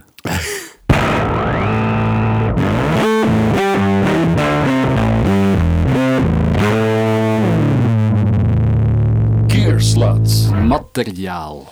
Bert Embrechts. We hebben het er net al een beetje verraden. Hè? Je hebt niet uw oude getrouwe jazzbas mee, waar dat iedereen u toch wel een beetje zeer karakteristiek van kent. Je hebt wel uw Fender Coronado mee. Ja. Ehm, hoe belangrijk is gear voor u? Want je kwam hier toe en je zei van ja, mijn bas heeft weer Arcurus, heeft ook een beetje corona, ze zal een beetje kraken en piepen. eh. Je bent niet van de clean, secure materiaaloplossingen, denk ik. Hè? Dat kun je wel zeggen. Ik heb zelfs geen, geen goede zakjes om alles in te steken. Bij mij, echt de roadies haten mij, want ik heb altijd zo wat brol Ja, ja, eh, ja. en dat hangt door het een en doorheen. En, Ja. Nee. Eh, nee. Ik ben eigenlijk niet zo- zo'n gearman. Mhm. Eh. Dus ik heb geen topgear. Ik heb altijd van dat oude spul. Mhm. Omdat ik hou van eh, gewoon mooie, natuurlijke, pure klanken. Eh, en tot nog toe vind ik die vooral eh, in, in oude karakteristieke instrumenten. En dat heb ik eigenlijk al heel snel dat ik er op zoek ben naar gegaan. Mhm. Ook, ook in de landen, en ik ben weer aan het reizen. Ja, maar- ja, de in de- komt. Ja. in die landen vind ik dan altijd wel leuke dingetjes. Of, of het nu in India is of, in, of ergens in, in Scandinavië. Dan, dan ga ik op zoek naar, naar mooie dingen. En eh, Nochtans, de allereerste keer dat ik u zag spelen ook, was dat met de Warwick absoluut. Streamer, denk ik? Absoluut. Heel of Corvette, ik weet niet wat dat eh, is. Streamer, ja. En ik vind dat nog altijd een fantastische bas die ongelooflijk bij je past. Ja, van het feit dat dat een heel clean anti-vintage instrument is. En ik, ik heb soms heimwee als ik u zie spelen van wow, zou Bert niet toch een keer op zijn Warwick weer willen spelen? Ga, ah, wel, ik, Of verkoopt hem? eh, ja, is goed. Hoeveel... eh, ja, gewoon. We zullen hem laten schatten door een beëdigd. Doe dat, Schattig. doe dat. En laat het mij Ik vond dat je daar fantastisch op klonk ook. Ja, dank u. Maar het, ja, dat is iets raar. Het is een... En eh, op die jazzbassen ook, hè. Ja, nee, maar allebei geweldig, hè. Ik snap wat je be- bedoelt, maar het is toch een, een liefde-haatverhouding Ja? met eh, eh, die streamer. Met de clean factor waarschijnlijk. Eh, er zit iets, iets De actieve. synthetisch hoog eh, in dat mij niet Tak, tak. aanstaat. Ja, ik weet het niet. Eh, maar nogthans, beginjaren, laatste show, was bijna altijd op de oude Ja. trouwe Warwick, hè. ja. ja, en daarna is- hadden dan een geweldige witte jazzbas, Ja. L-serie, uit 19 eh, drie- 63, 63. ja. tot het zeer macaber moment in het Sportpaleis. Humo's Poppel. Ja, die is ge- gestolen geweest uit een kleedkamer die op slot Kaat. was. Dus eh, ik In het Sportpaleis. Ja. Ongelooflijk, hè? ja, maar ja, Geen spoor meer van gevonden sinds. nooit niet meer, nee. Maar ik ben dan ook weer zo een, eh, hè, als je het hebt over een keer, ik, ik, ik wist die, eh, die serienummer, of dat ik die heb opgeschreven, natuurlijk niet. Ja. Snap je? Allee, dat is ook weer, dat is een Maar- beetje... Hoeveel pijn heb je dan op dat moment? Ja. Of denk jij van, ja, ik ben geen gearman, of skip it, ik zorg wel voor een andere Ah, nee, nee, nee, dat was, dat was een verschrikking. Dat was echt, ik was Ja. er echt niet goed van, ik ben er nog niet goed van. Dat geloof ik. Echt, ik vond dat echt, die bas, dat was mij de bas Ik voor ging mij. het juist zeggen, dat was uw bas. Hè. Dat was mijn bas. En ja, ik, heb nu, ik speel nu al lang op een andere jazzbas. Sunburst, hè? Ja, op- uit 65. Ja. Top. Allee, ook goed, Ja. goed maar, maar toch niet die. Ja, ik heb, ik heb het nog gecheckt in mijn research op YouTube. En iedere keer dat ik met die witte jazz was, die je veel bij Raymond ook gebruikt hebt toen, Ja. dan denk ik van, ah, dat was zo Bert zijn bas. Ja, Welke smeerlap heeft dat afgepakt? Ja. Nee, dat is... eh, ja, dat klopt. Dat klopt. eh, Ja. ja. Maar je weet het ook, hè. dat is zeldzaam, die, dat soort bassen. Dus, eh, Ja, ja. Maar... ehm, Nee, ja. ik, ik wil me niet inbeelden wat dat ik dan door u heen moet gaan op zo'n moment. Ik heb het gelukkig nog nooit meegemaakt, maar ik ken veel collega's die het helaas wel weten. eh. Ja, ja Terge was ook dat dat juist voor een grote lange show was. Ja. En dat ik dat dan heb gespeeld op een, op een bas, eh, een reservebasje, een soort eh, prinsbas, die er ook helemaal echt zo met van die krullen, een paarse ja, bas met krullen, die, Wow. echt iets eh, bizar. Maar bon, ja, dat was, eh, en dat in een vol sportpaleis met, met allemaal verschillende artiesten. Dat was Maar het neemt niet de sound weg, het materiaal, denk ik. Hè? Dat is misschien een troost, want overal waar dat we u horen op spelen, horen we direct Bert Embrecht spelen. Ja, ik denk dat dat bij iedereen wel wat is. Hè? Dat, je, dat je je eigen persoonlijke eh, touch hebt. En dat dat, Ja. eh, op wat, wat dat je ook speelt, dat dat eigenlijk wat dat betreft niet uitmaakt. Want ik Dat heb me ooit laten verleiden op de laatste show. Ja. Als ik u kwam vervangen, stond uw bas er nog. Het was die Sunburst al, uit 65. En ik dacht van, ah, nu ga ik een keer supergoed klinken. Ik ga gewoon Maar dat trok op niks, die klank. Zie? En wat een onding was dat. Die, die snaren liggen echt over elkaar geweven. Ja. Je kunt er niet op of af. En vanaf dat je een beetje te hard doortrekt, dan comprest dat allemaal dood. Ja. Dus ik heb, me al, ik heb ze uiteindelijk niet gebruikt in de opname, wel in de soundcheck. Ik ben gewoon op mijn eigen bas weer overgeschakeld. En ik dacht van, damn, mijn eigen god zijn bas en ik kan er niet op spelen. Ehm, maar, maar er is iets in uw sound dat niemand anders heeft. En ik vind dat ook wel passen onder gear hier. Want je Ja. speelt vooral op die een bridge pick-up van een jazzbas. En de neck pick-up staat veel minder open, of Ja. iets minder. Zijn er weinig die dat durven doen tegenwoordig. Ja, ik zou het niet Iedereen weten. wil de volle, dikke, ronde ja, sound. ja. Maar jij doet toch die prot-prot van de achterste pick-up. En en plus, jij slaat heel zacht aan. Ja, ja. En dat snap ik niet, hoe dat je zo'n toon kunt halen door zo zacht aan je snaren te komen. Wat is het geheim, Bert? Hmm. ja. Wacht, je kunt Verklap het inschrijven mij. op mijn cursus op... Nee, nee. Birds Bass Ik, Lessons. nee, ik heb, ik heb daar geen idee van. Maar ik kan u wel zeggen, Wouter, hè, eh, je weet dat ik ook niet kan laten om concertjes te organiseren. Ehm, En ik, heb, ik ben fier op het feit dat nadat eh, een van mijn helden, Prins, is gestorven, dat ik Mhm. eh, de New Power Generation als eerste naar België Juist, heb gehaald. In de Zwanenberg. In eh, Zwanenberg eh, en eh, in IJsselmenberg. En ja, die, die bende, dat is, allee, dat is van de topperiode van Prince. En Ja. dat waren de originele gasten. Hè. Ja, ja. Dus ook eh, de originele bassist. En die, die man, allee, dat is een klein ventje. hè. Die is... Dat moest, anders konden we Prins niet Nee, binnen. waarschijnlijk. Maar, eh, Auditie, hoe ja. groot zeiden? Nee, buiten.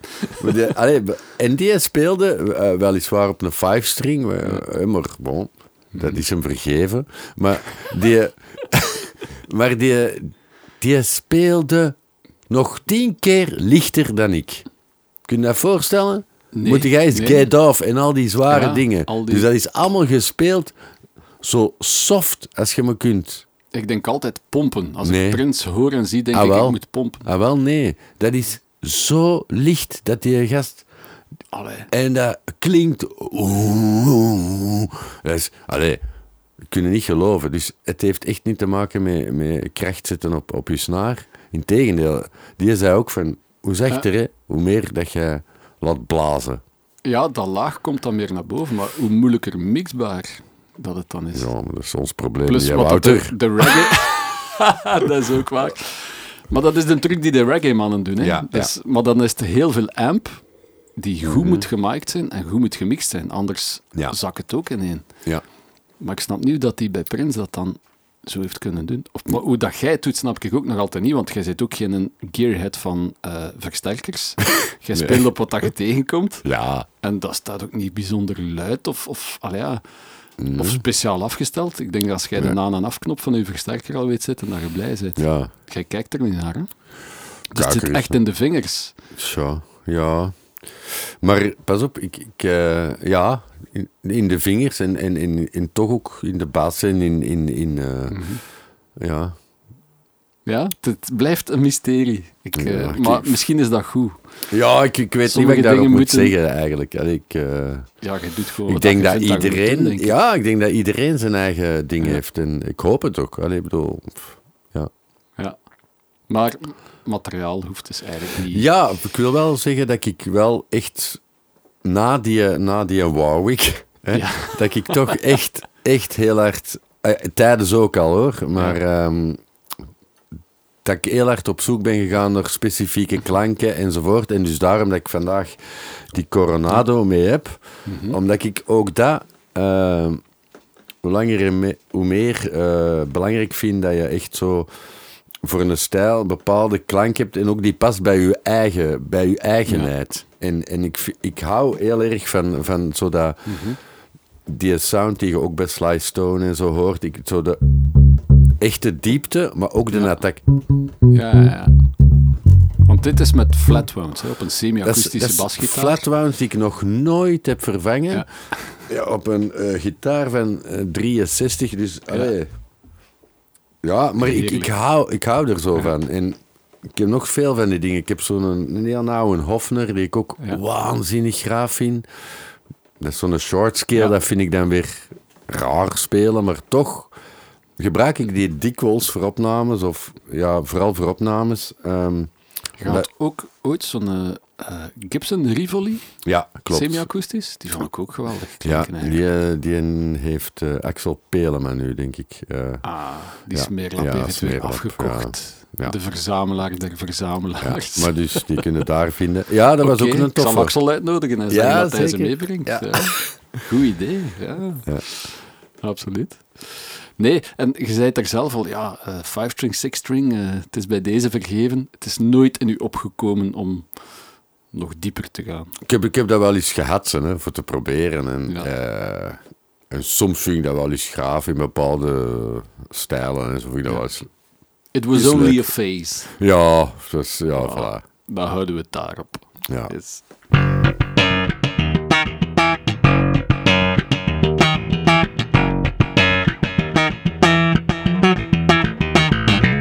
Advice for the young at heart. Voilà, ondertussen zijn de glazen nog eens bijgevuld tijdens de jingle.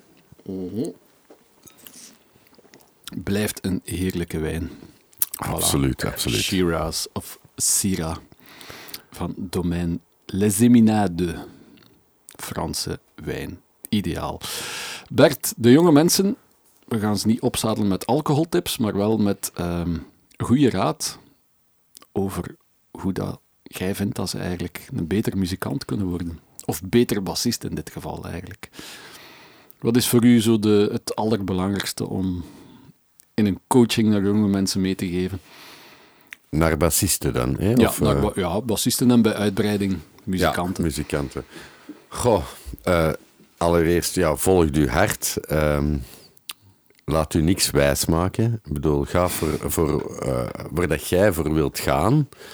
Voor uw stijl, voor uw eigenheid. En ehm, sta wel open om dingen te leren en te, en, en, en te groeien. Hè? Dus ik wil niet zeggen van, eh, dat je koppig moet zijn van ik vind dit en ik zal dit doen. Nee, Eh, zet u, stel u open op Hè? Eh, leer van, van, van anderen en wat er op u afkomt, maar hou als focus waar dat jij, uh, waar dat je droom ligt, waar dat je wilt bereiken qua sfeer en qua spelen. En dat je dingen moet oefenen, dat je, dat je moet leren op een metronoom in het tempo blijven, uiteraard. Dat je moet samenspelen, dat je moet luisteren naar, naar anderen. Ja. Dat, is, dat is evident. En dan moet je in sommige gevallen leren in je jeugdig enthousiasme. Uh, uh, stormde voorbij zo'n dingen. En, en, en, en, ja. En sta er niet open daarvoor. Maar, um... Zijn er dingen dat je echt gestudeerd hebt?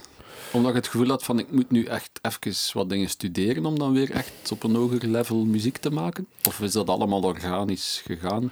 Omdat je natuurlijk vanuit het milieu komt van we oefenen veel met een groep en we steken van alles in elkaar. Wat dan natuurlijk impliceert dat de creativiteit de techniek overstijgt. Ja. Maar zijn er ook technisch dingen dat je echt wel iets had van nu moet ik even uh, mijn kot in en oefenen ja, of ik, ik word geen beter muzikant? ben er nooit goed in geweest. uh, ik, uh, Steiner school. Ja, voilà. Lauwammessen. Nee, ik, ik, ik heb dat uiteraard, hè, gelijk jazzstudio enzovoort. Dan moet je dat allemaal leren. En dat heeft ook ja. deugd gedaan. En dat, dat, dat, je hebt drie jaar jazzstudio gedaan? ik weet dat niet. Ja. Toen heb ik dat uitgemaakt. Maar was dat drie ah, ja, of vier jaar? Dat was iets van een drie jaar Ja, geweest, ik denk hè. het. Hè. Maar dat was toen echt jazz, jazz, standards. Ja, maar ik kreeg dat ook altijd als opmerking op, op het examen van, oh ja, je zit er, je zit er goed door, maar je zit toch veel, veel te poppy. ik zeg, ja, en terecht, zei ik. En ja, meneer... De revolutionair wordt weer wakker. ja, nee, maar... De, ja. De, dus ja...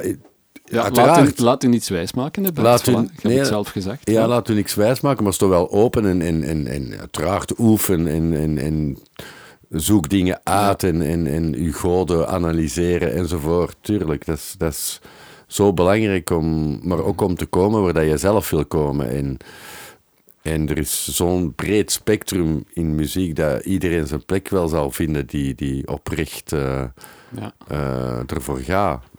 En dat, dat, is het mooie. Ja. Hè? Dus oprechtheid is eigenlijk nog belangrijker dan techniek eigenlijk. Ja, maar je moet natuurlijk ook in de maat kunnen spelen. En, en luisteren naar de drummer en, ja. en de zang een plaats geven enzovoort. Want ik vroeg mij af, als, als bijvraag, van als, als ik u in, in de charlatan of zo in Gent uren en uren s'nachts op de Gentse feest met oh, ja. ruiter zag, doortrekken, on the one gewoon. Van, hoe, hoe studeerde dat? Hoe leerde dat?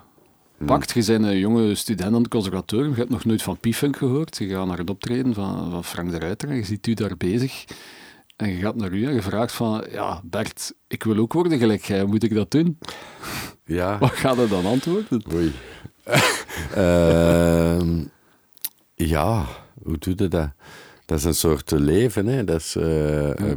um, pas op, we hebben heel veel, heel veel gewerkt ook, hè, met eigenlijk Groove Mania en zo. Ja, en samengespeeld. Samengespeeld en, en, gezocht en, en, en duizenden grooves uh, beluisterd en, en nagespeeld. En, en dan, ja, op den duur een bagage daarin. Maar dan, het, ik ben eigenlijk altijd graag creatief. Zo van, we zien wel wat er komt en niet te veel voorbereiden. En dat, die avonden in de charlatan, die, die vijf, zes uur duurden aan één stuk dat vond ik fantastisch, want je begon mm. en na de eerste maat wist je niet meer wat er zou komen.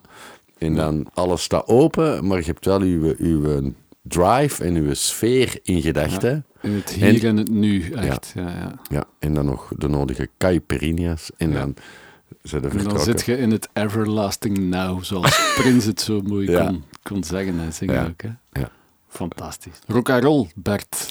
Is u niet onbekend? Nee.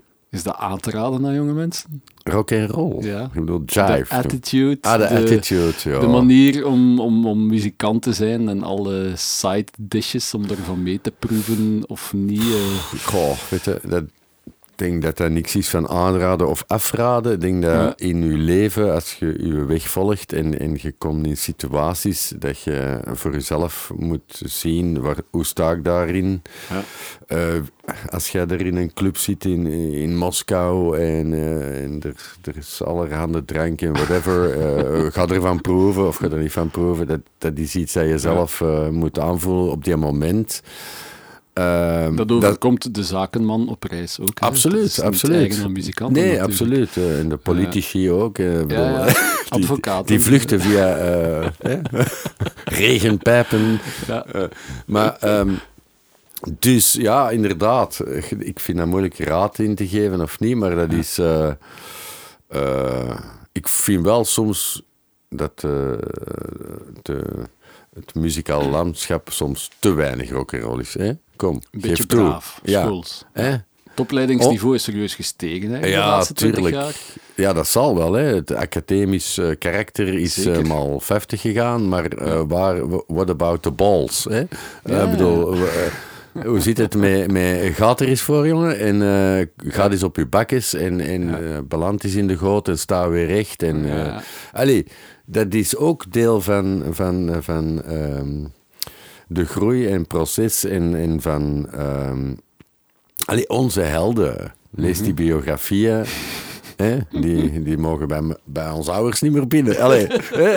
Snap je? Ja. Maar pff, gaan we dan allemaal zo flauw doen tegenover elkaar dat, we, dat wij geen dingen meemaken, dat, we geen, hè? dat gebeurt. En eh, dat is ook, ja, dat is ook, ook mooi. Hè? Maar ik weet niet goed of ik daar raad of geen raad in moet geven. You have only one life, live it. ja, voilà. Ja, dat is Ja. het enige dat we kunnen doen. Hè. On the one, yo.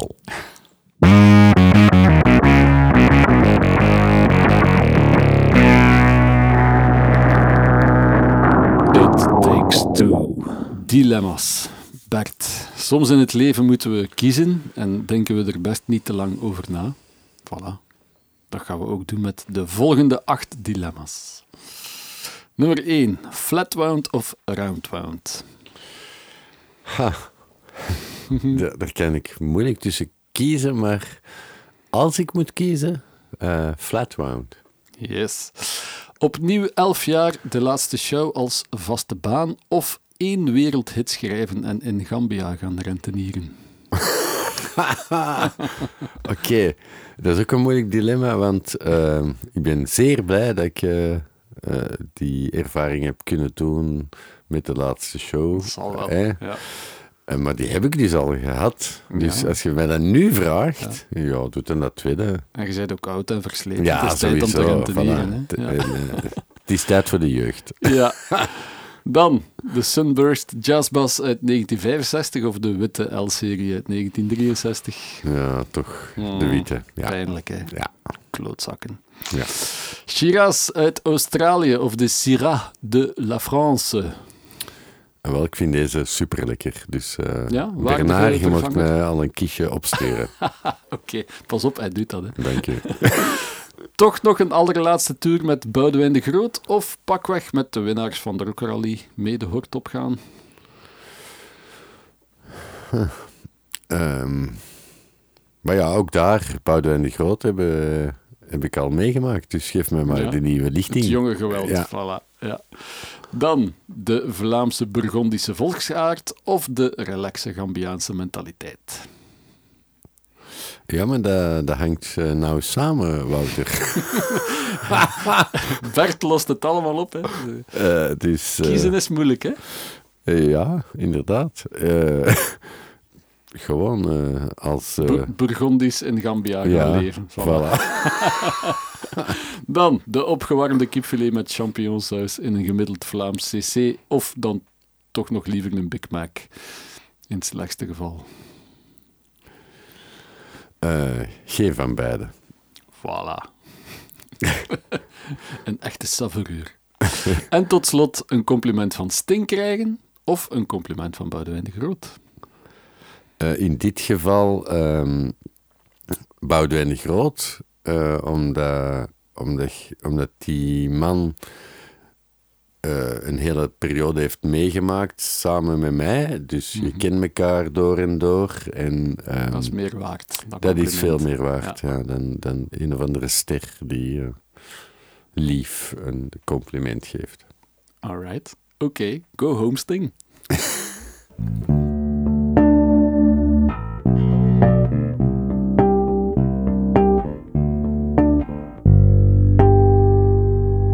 Famous last notes. Ooit komt het zover en Als we zouden weten van we hebben nog een paar minuten te gaan en we zitten toevallig met onze bas in de hand, wat zou Bert Embrechts dan spelen? En op welke bas? Oké, ik heb nu deze bas mee. Hè, dus De Fender er- Coronado. Ja, de Coronado, die trouwens eh, eh, blijkbaar een, een bas is geweest van Milleke, de bassist van de Pebbles. De Eh, Milleke van Mills Audio in Ja, inderdaad. Nog steeds als die komt kijken naar een optreden waar ik speelde, dan zegt hij: hey, zeg, dat is mijn bas, hé. Dat is mijn bas. hey, geef die eens terug. Nee, dus eh, ja, eh, het blijkt. eh, En zou Seven Horses in the Sky dan daarmee opgenomen ja, zijn? toch zeker eh, six of them. Yes. Het blijft een mythe. Ja, Sommige ik weet het niet. Ik weet het zelf niet, maar hij, hij beweert het. ehm. nee, dus deze bas, hè, is hier nu toch. ehm, Ja. Voor de rest, eh, ja. En ze doet het goed, ze kraakt niet. Ze, nee, ze heeft geen kleur. Nee, nee. Ja. Blijkbaar is eh Maria Kerke een goede regio Ja, voor ja. eh, een Coronado. Studio Le Garage is ook feng shui gebouwd, absoluut. volgens de regels. Uit welk jaar kwam die nu weer? Eh 63. 63 ook. Ja. Dus met heimwee naar de witte jazz. Ja, eigenlijk wel ook. 63. Ja, ja. En vooral omdat ik vind, dus deze is eigenlijk helemaal geen bas om, om zoiets solo te doen of wat dan ook. Mhm. deze, voor mij is deze een bas, eh, die heeft een klank voor mij die, die ik, eh, waar ik verliefd op ben. Ehm, Mhm. Die neigt naar eh, een akoestische klank, gecombineerd met elektrisch. Die heeft ook heel veel soul, heel veel verhaal. En, Ja. en die, ehm, ja, nogmaals, gelijk die plaat van Sly Stone en zo, dat, dat warme, toch, toch gedefinieerde, funky, Ja. dat zit, die soul dat zit in die bas voor mij. Ik voel dus precies iets van Sly Stone op ons afkomen als Eh, famous last nee, notes. Nee, ah, ik, moet het, ik moet het nu al vertellen. mag het eigenlijk. verklappen, Ja, ja, ik, ga, ik ga het ja. verklappen, maar ik, ik ga toch ook uw medewerking vragen. Oei, Ja.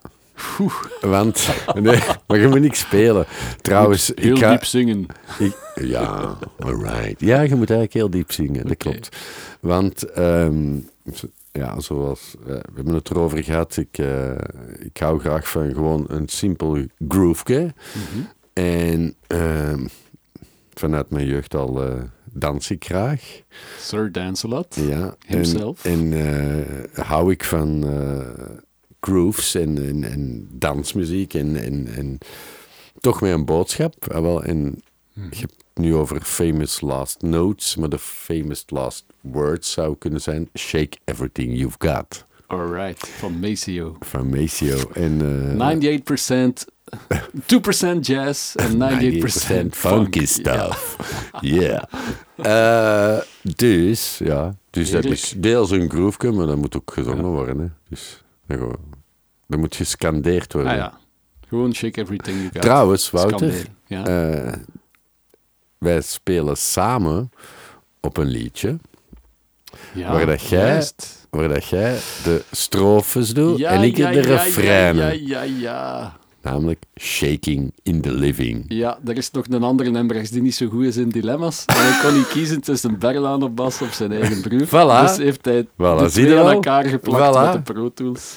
Ja. Shaken in the Living. Geweldig dus- nummer. Dat is ook eh, vrij origineel. Ik bedoel, niet Cool. veel bassisten in, in eh, België Ja, kunnen zeggen, wij spelen samen op één nummer. absoluut. Dat is geweldig. Ja. Ja. Bij deze, Ja. geschiedenis is geschreven. Check Voilà. allemaal het nummer Shaken in the Living op Voilà. Spotify van En dus- Pieter Embrechts. En dus Seves met Wouter on de vocals. Ja, en ik weet niet meer in de strofes of de refreinen wie dat, Dat was. doen we niet, Wouter. Dat doen we niet. Wij zijn bassisten. We gaan Voilà, het nee. mega Ja. simpel. Dus we zeggen gewoon, shake everything you've got. Alright. Shake everything you got. Komt eraan. Right. Famous Last Notes met Bert Embrechts.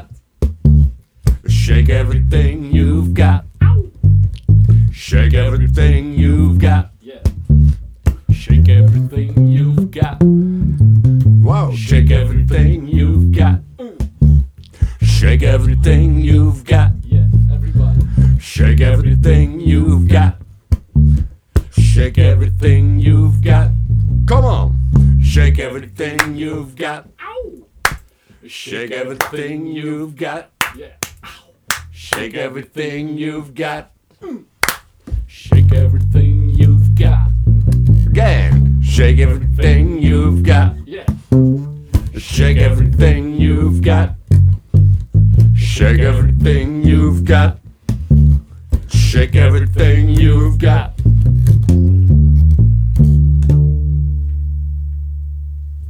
Based in Belgium. Alright. Hoe gelukkig kan je zijn als podcast-host van deze achtste episode als Bert Embrechts himself met zijn eh, semi-akoestische Fender Coronado bas uit 1963 laat horen dat hij nog steeds alive en kicking is. Check zeker ons YouTube-kanaal Based in Belgium als je de song die Bert daarnet magistraal neerzette wil horen en zien. Meer achtergrond, zoals bijvoorbeeld de kostprijs van de wijn die we daarnet uitschonken, vind je steeds op de site vitis.vin. Van de immer positieve Bert Embrechts nemen we graag mee dat artiesten ontvangen in stijl superbelangrijk is. Dat Vlamingen het enige Romaanse volk met een Germaanse taal zijn, dat er mits het opvoedkundig getjingel-tjangel van de aanhoorde kleinkunst toch nog een funkbom in ons kan schuilen. Zolang we ons maar niets laten wijsmaken, in de revolutie gaan waar nodig en bovenal on the one onze weg bewandelen. Ziezo, de achtste aflevering zit erop. Het is nu uitkijken naar een volgende basgast. Benieuwd of die net als Bert Embrechts even polyvalent en toch zo eigen uit de hoek kan komen, of net zoals alle andere voorbije gasten toch ook weer het verschil kan maken op zijn of haar manier. Dat worden dus weer twee lange weken om te wachten. Vergeet niet dat er tussenin een derde aflevering van onze Weird Bass Shizzle videoreeks op YouTube wordt gepost. Zo kunnen jullie creatief bezig blijven, elk in zijn eigen kot, want helaas, corona still rules the world. Maar alles komt goed, mede dankzij de positieve vibes van Bert en Brechts. Bert, bedankt. Bedankt ook Bernard van de Baar en bedankt jij daar, luisteraar.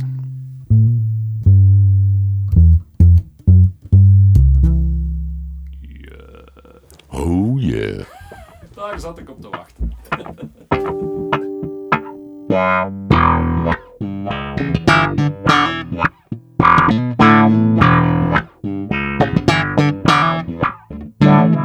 Based